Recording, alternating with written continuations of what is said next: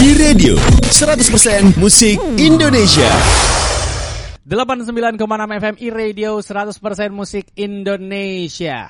Masih barengan saya Kamal Rashid listeners masih di Radio Namu bersama kepala BNN kita ya yang kesibukannya luar biasa. Kalau ajudan-ajudan eh enggak tahu ajudan apa staff sih kalau di sini? Staff. oh staff ya. Maaf ya saya uh, otaknya pakai ajudan tuh. Uh, staff-staffnya di sini bilang bapak ini bukan sibuk tapi super sibuk Wih gila Karena juga tadi udah ngomongin banyak soal BNN dan kasus-kasus narkoba di Indonesia listeners Emang tugasnya banyak banget nih seorang Pak Heru ya. Dan tadi kita sempat kepotong ngomongin narkoba eh, dalam hal hubungannya dengan kesehatan gitu. Karena kemarin sempat ada kasus yang eh, seseorang istri kalau nggak salah menggunakan narkoba untuk kesehatan suaminya, menggunakan zat terlarang lah gitu ya. Dan akhirnya sempat dipermasalahkan dan akhirnya sempat dibebaskan. Nah ini nih posisi BNN dan Pak Heru khususnya di mana nih Pak untuk urusan yang seperti ini Pak? Narkoba untuk kesehatan gitu lah. Silakan Pak. Baik, uh, jadi memang informasi ini harus tidak boleh sepotong-sepotong. Ya, harus lengkap. Harus lengkap. Hmm. Nah, yang seorang istri ini memang dia sakit stadium 4. Ya, uh, ya stadium 4. Cancer ya. Ya, cancer stadium 4 yang yang kalau misalnya nggak dikasih apa saja dia dia sudah kalau ya Tuhan yang yang ini kan ya. Hmm. Cuman memang dikasih sama suaminya sampai dia nanam uh, di belakang uh, rumahnya lah. Cannabis dalam rumahnya. Hmm. Memang uh, ganja ini ada ada efeknya namanya uh, painkiller juga. Ya. Jadi bukannya dia sembuh, bukan. Memang nggak sakit memang. Cuman ya nggak akan sembuh, cuman sama painkiller aja. Hmm. Bukan penyembuhan hmm. supaya tidak sakit. Ini yang jadi kendala. Oke. Okay. Jadi eh, faktor kesehatannya dari segi kesehatan nggak ada, cuma hanya untuk menghilangkan rasa sakitnya sakit. aja. Nah, tapi dampak yang lainnya pasti ada. Hmm. Ya kan menimbulkan halusinasi, menimbulkan simultan, menimbulkan hmm. depresan. Hmm. Seperti itu. Karena itu masuk kategori uh, narkotika. Seperti okay. itu. Jadi uh, tidak ada kata lain yang namanya penegakan hukum harus kita tegakkan. Hmm gitu. Jadi uh, kalau yang dibilang Pak itu pengobatan, ya dari segi hukum maupun dari segi medis itu hanya untuk mengurangi rasa sakit saja. Oke, okay. seperti itu. Oke, okay. uh, ramai juga di luar sana pengelolaan uh, ganja oleh pemerintah. Apakah Indonesia ada apa ya? Ancar-ancar ke arah sana? Mungkinkah Indonesia ke arah sana atau sama sekali nggak ada? Kalau dari Pak Heru gimana?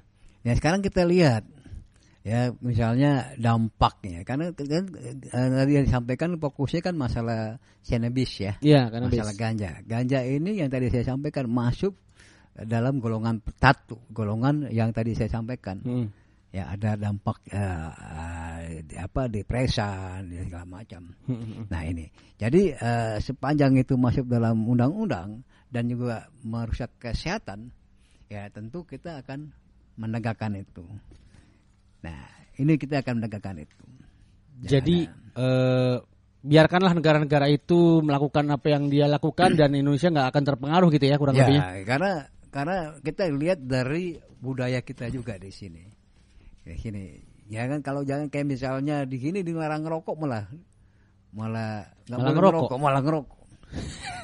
Ya, yeah, apalagi iya. disuruh merokok. Wah, iya, lagi merokok. Lebih ngerokok ya. Iya, iya betul. Terus ini gimana dong? Ya karena untuk apa untuk menjaga uh, memperak dirinya masih ah, terutama anak-anak muda yang yang informasi segala macam masih uh, belum ini kan. kontrolnya belum belum ya, belum bagus lah kurang lebih gitu ya dan banyak misalnya misalnya ngelihat sekarang ada mungkin ngerti banyak yang oplosan ya ini yang yang yang sangat sangat berbahaya ini ya ini cenderungan-cenderungan untuk bersifat madat ini yang harus kita harus kita sama-sama dikurangi, ditiadakan untuk generasi muda kita.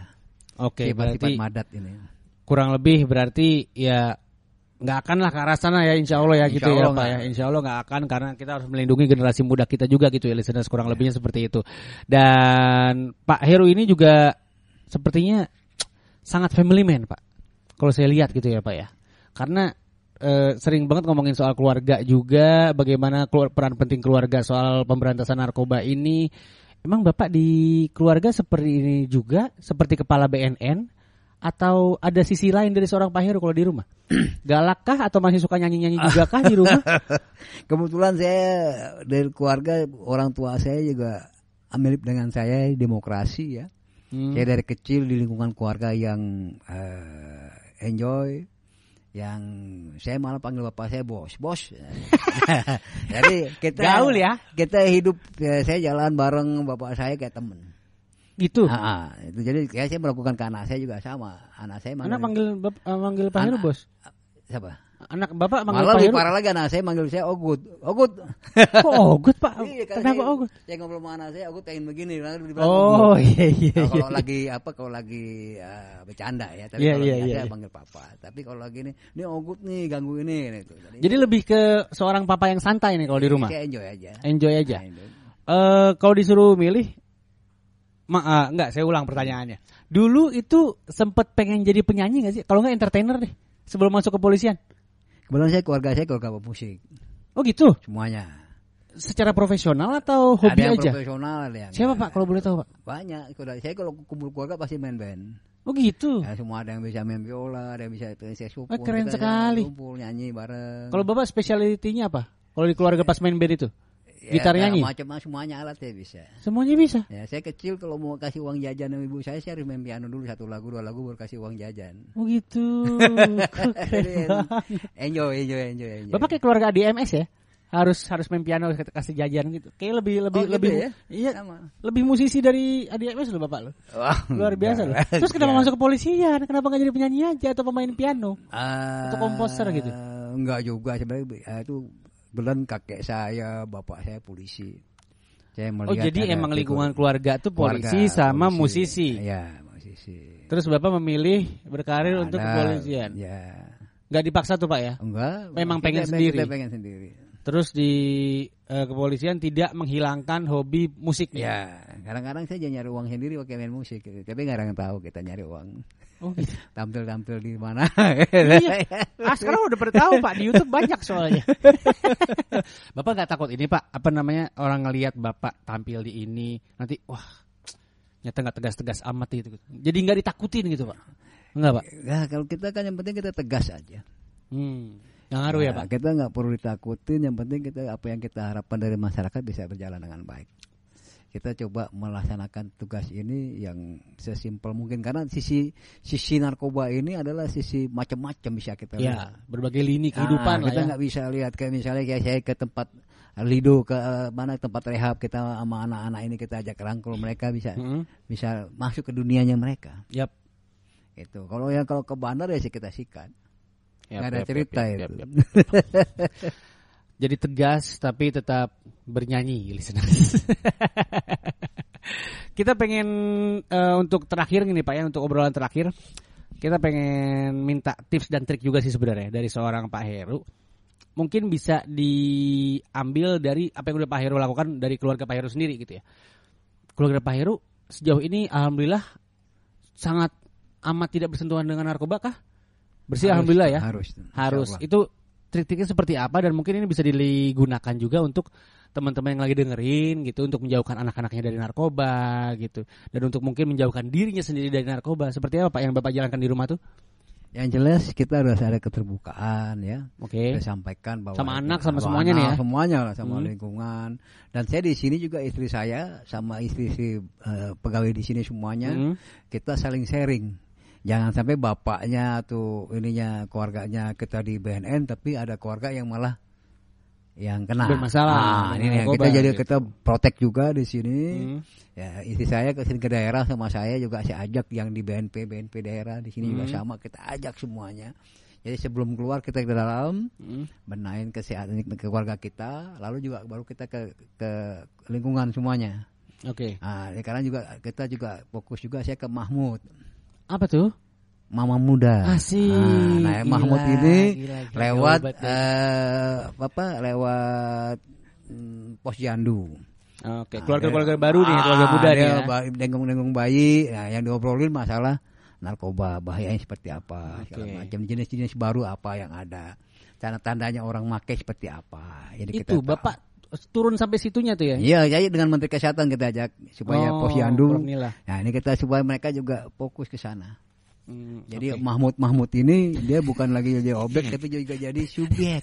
Oh iya. Ah, Agak ah. aneh ya denger ini dari kepala BNN. ya. Jadi jadi Mahmud Mahmud ini. Mama muda. Iya. Ya, dia harus Tahu kita. dia harus tahu dia. Iya, karena itu bahasa gaul. Jadi mau nggak mau karena ini menja- eh, menjangkiti anak-anak muda, jadi bapak harus muda juga ya. Jadi Iya, bahasa-bahasa yo. itu harus tahu juga. Pak. Iya, kita Iya, harus tahu. Luar biasa. Ya milenial kita harus tahu dan saya harapkan ya anak-anak muda sekarang banyak yang bagus entertain itu akan entertain harus Ya, ya kalau nggak kita ketinggalan yap. ya kita bisa contoh yang buka lapak anak muda itu Ya. ya Traveloka Ya. ya kan Gojek itu itu luar biasa Bapak dekati semua juga tuh karena, ya. karena nanti ada sekarang ini kan eh, Airbnb Ih, kita harus ikutin semuanya Ih, gaul Ya, ih. kita harus tahu Iya iya iya iya. karena ini ini ini kayak sekarang saya di sini ngobrol sama sama Jamal kan juga Kamal, Pak. Kamal juga Kamal, Pak. Jamal mah om saya. sama Kamal kan juga untuk bicara masalah ini Iya iya iya iya benar. ya kan kalau enggak ini kita nggak bisa masuk Iya iya benar benar. Bapak, saya nobatkan sebagai perwira paling gaul, Pak. enggak keren banget.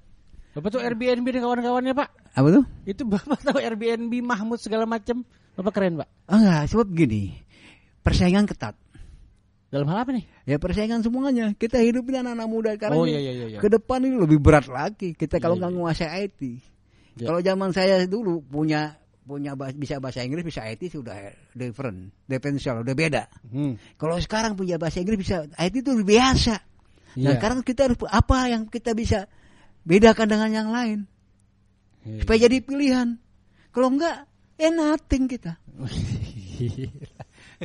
Sepertinya itu bisa menjadi kesimpulan untuk menutup Iridium kali ini listeners ya.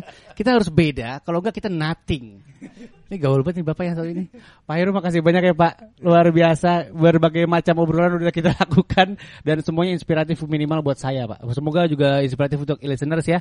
Makasih banyak Pak Heru buat waktunya. Demikianlah listeners Iradio Namu kita bersama Kepala Badan Narkotika Nasional atau Kepala BNN Pak Heru Winarko yang ternyata gaul dan tegas ya kece. Kita ketemu lagi di Radio Namu berikutnya ya. Saya Kamar pamit. Wassalamualaikum.